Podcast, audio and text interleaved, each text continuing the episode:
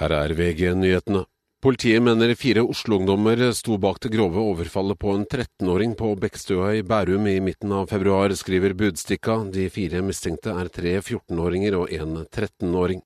Bjuvs kommune i Skåne i Sverige trues av den russiske hackergruppen Akira, som nylig har utført flere cyberangrep mot svenske myndigheter og selskaper. De truer med at de skal lekke stjålne data fra kommunen på det mørke nettet, ifølge avisen Dagens Nyheter.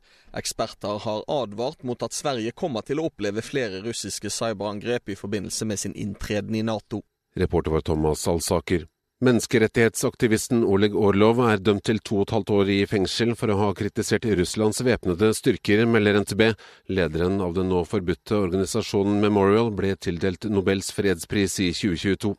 Saken etter møtelykken der to 20-åringer omkom i Trysil i påsken i fjor, henlegges. Det er ikke konkludert med hvorfor bilen fikk skrens og kolliderte med en møtende bil. Oljefondleder Nicolai Tangen tjente 7,1 millioner kroner i fjor, viser årsrapporten fra Norges Bank. Dette er nesten 4,6 millioner mer enn sentralbanksjef Ida Wolden Bakke. I studio Frode Sien, nyhetene får du alltid på VG.